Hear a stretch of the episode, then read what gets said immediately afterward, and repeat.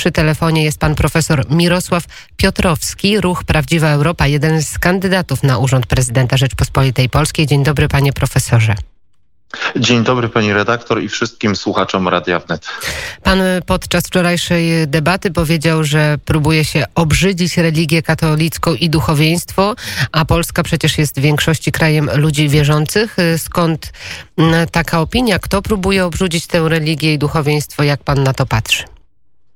Jeśli y, y, włączymy radio albo telewizję, niemal wszystkie kanały nagłaśniają y, tylko rzekome, bądź też po części prawdziwe niedociągnięcia, które miały E, akurat miejsce w środowiskach katolików, czy nawet księży, ale to się ekstrapoluje na wszystkich księży, czy też na wszystkich biskupów i nie jest tajemnicą, że próbuje się po prostu obrzydzić duchowieństwo w całości.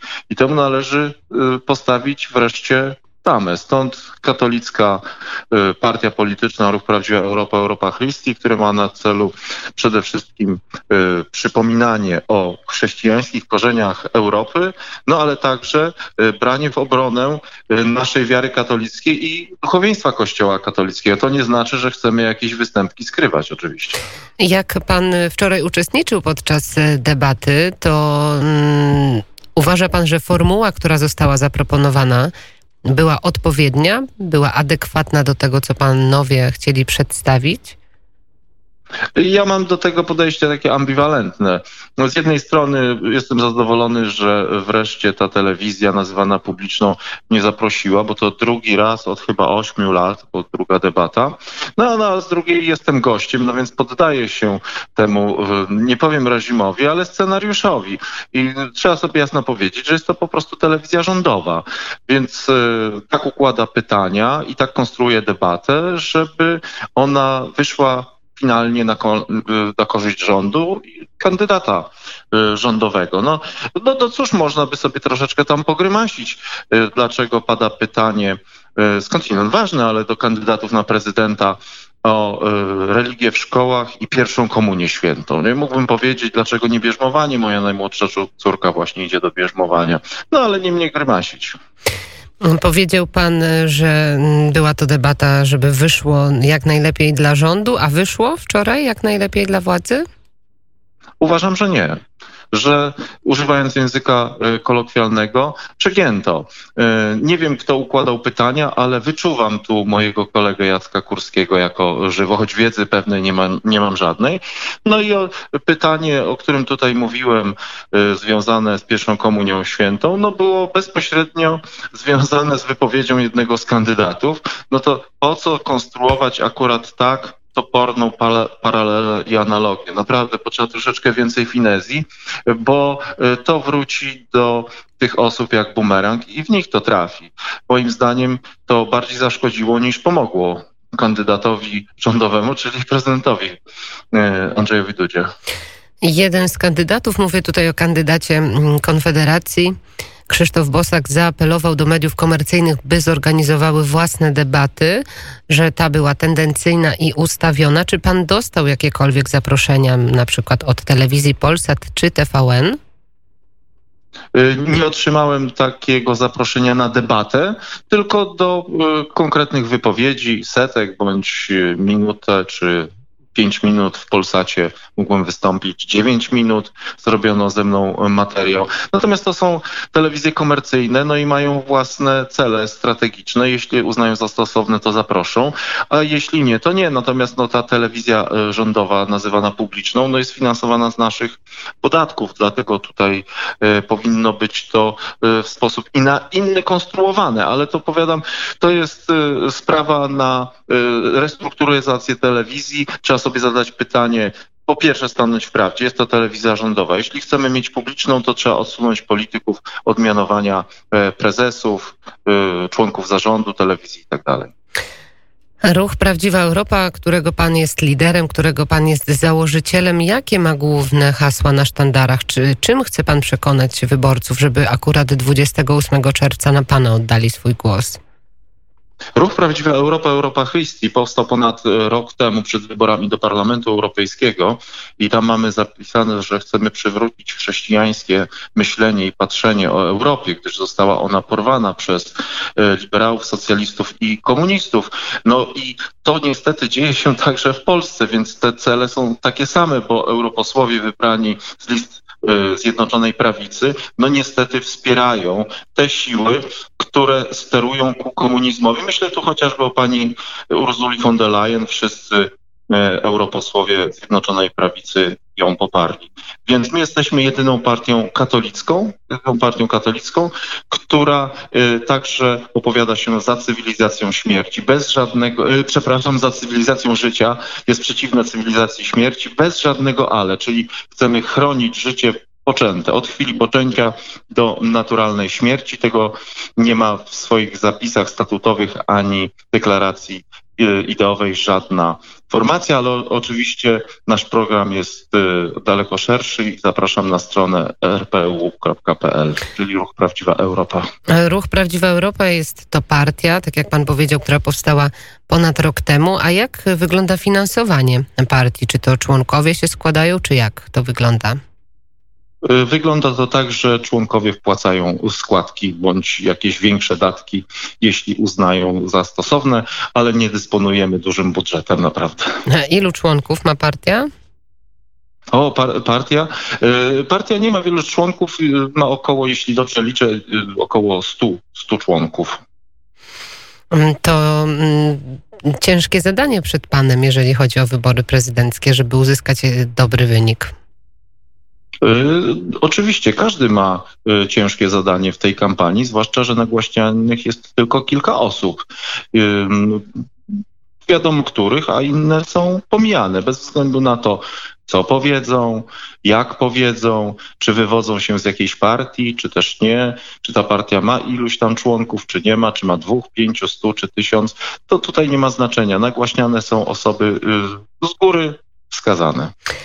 Jakby pan y, założył taki scenariusz, jeżeli zakładamy taki scenariusz, że do drugiej tury akurat trafiłby Rafał Trzaskowski i Andrzej Duda, czy pan oddałby z, z taką pełną świadomością głos na któregoś z tych kandydatów?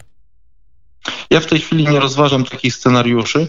Mówiłem już wcześniej, że ci dwaj kandydaci dla mnie są w sferze ideowej podobni czyli y, pan Rafał Trzaskowski oficjalnie opowiada się za LGBT, czyli za gender, a urzędujący prezydent Andrzej Duda nieoficjalnie za tym się opowiada, że przypomnę tylko jego wywiad dla tygodnika Wprost, gdzie twierdził, że poważnie rozważa legalizację y, związków partnerskich i jest przeciwny strefom wolnym od LGBT. Cały teraz zmienił narrację, kluczy za chwilę znowu będzie zmieniał swoją politykę. Także mnie nie przekonuje. No ale w, i w tej chwili to jest dla mnie takie pytanie, jakby pani redaktor yy, spytała mnie, czy w drugiej turze bym zagłosował na kandydata PO i SLD, który jest dla mnie lepszy. W tej chwili nie rozważam takiego scenariusza. Mm, informacja sprzed kilku godzin. Najwyższa Izba Kontroli wszczyna e, kontrolę w sprawie majowych wyborów korespondencyjnych. Kontrolerzy mają wejść m.in. do Kancelarii Prezesa Rady Ministrów, do Ministerstwa Aktywów Państwowych, do Poczty Polskiej i do Polskiej Wytwórni Papierów Wartościowych. Pan jak patrzy na to mm, z boku jako kandydat, że te wybory majowe się nie odbyły? Czy taka kontrola jest zasadna i czego możemy się po niej spodziewać? A propos kontroli, to mogę powiedzieć jednym słowem nareszcie. Oczywiście, że taka kontrola jest zasadna. E, zaraz po tych wydarzeniach, o których mówimy, e, wnioskowałem o tym, aby skierować e, odpowiednie akty czy wnioski do Trybunału Stanu związane z panem ministrem Sasinem i premierem Morawieckim. No nie może być tak, że nagle wybory prezydenckie święto demokracji się nie odbywa, a nie wiadomo na jakiej podstawie prawnej drukowane są karty wyborcze, za które podobno zapłacono blisko 70 milionów e, złotych. E, Państwowa Komisja Wyborcza jeszcze na dwa dni przed wyborami informowała na sto swojej stronie internetowej, że wybory się odbędą i lokale zostaną otwarte. No więc ktoś za to powinien odpowiedzieć. No tak po prostu nie może być. Nie można działać niezgodnie z konstytucją. No i chcę też przy okazji tutaj zwrócić uwagę na na fakt, że te wybory prezydenckie y, wyznaczone na 28 czerwca również są niezgodne z konstytucją, z artykułem 128 ustęp 2. Idzie o niezachowanie terminu przed końcem kadencji mm, urzędującego y, prezydenta. Jest tam napisane, że marszałek Sejmu zarządza wybory prezydenckie nie później niż 75 dni przed upływem kadencji, a pani marszałek Sejmu zarządziła te wybory 3 czerwca, a 5 sierpnia kończy się kadencja pana prezydenta, więc jest to niezgodne z konstytucją. No ale mimo, że niezgodne z konstytucją, to pan jednak w tych wyborach bierze udział. Tak, e, ja chcę powiedzieć, że dla mnie, jako dla Mirosława Piotrowskiego, to absolutnie nie ma żadnego znaczenia, czy wybory są e, ogłoszone 50 dni przed końcem kadencji, 70, 80 czy 90, tak? E, natomiast, no jeśli już jest zapisane w Konstytucji, stoi expressis verbis, że jest to 75, 75, no to należy respektować Konstytucję. Można też powiedzieć, że był stan trochę wyjątkowy w Polsce i na świecie, że była epidemia koronawirusa i że jednak no, próbowano dojść do jakiegoś kompromisu. Oczywiście, powiedzieć można wszystko, tylko trzeba najpierw powiedzieć yy, obywatelom, musimy złamać konstytucję, a tego nie powiedziano. Jakie ostatnie kilka zdań chciałby Pan powiedzieć naszym słuchaczom? Dlaczego mieliby zagłosować na profesora Mirosława Piotrowskiego w tych wyborach? Y, słuchaczom Radia Wnet chcę bardzo podziękować za cierpliwość i za to, że mnie tutaj wysłuchują. I chcę powiedzieć, że mam 15-letnie doświadczenie w pracy na rzecz Polski w Parlamencie y, Europejskim. Y, bardzo dobrze orientuję się w stosunkach wewnętrznych i zewnętrznych, politycznych i że jestem człowiekiem spoza układu i chcę stanąć w obronie obywatela, każdego obywatela, bez względu na to, z jakiego obozu politycznego pochodzi. Jeśli dzieje mu się krzywda, y, tę posługę prezydencką postrzegam jako ochronę obywatela przed rządem i to każdym rządem, dlatego bardzo proszę Państwa o głos.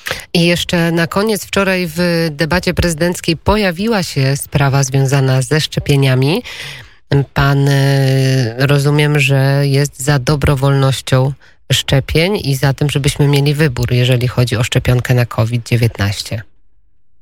E, mówiłem tutaj o koronawirusie i podałem przykład y, formułowany przez specjalistów.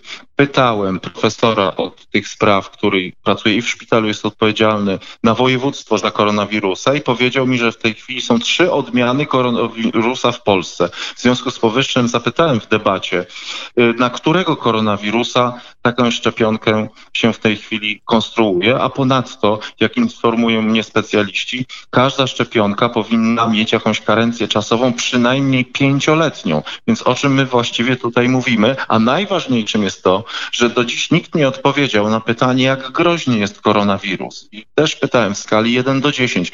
Jeśli grypa sezonowa to półtora, a wirus Ebola to 8-9, to gdzie znajduje się koronawirus? Jeden ze specjalistów, właśnie o których mówię, powiedział mi, że jego zdaniem to jest zagrożenie między 2 a 3. No to jeśli to jest zbliżone do grypy, no to naprawdę nie należy przymuszać ludzi y, do szczepień.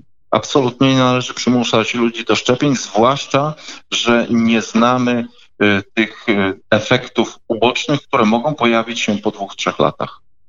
Bardzo dziękuję za tę wypowiedź. Profesor Mirosław Piotrowski, Ruch Prawdziwa Europa, kandydat na prezydenta Rzeczpospolitej Polskiej. Bardzo dziękuję za rozmowę. Bardzo dziękuję pani redaktor i wszystkim słuchaczom Radia Wnet. Pozdrawiam serdecznie.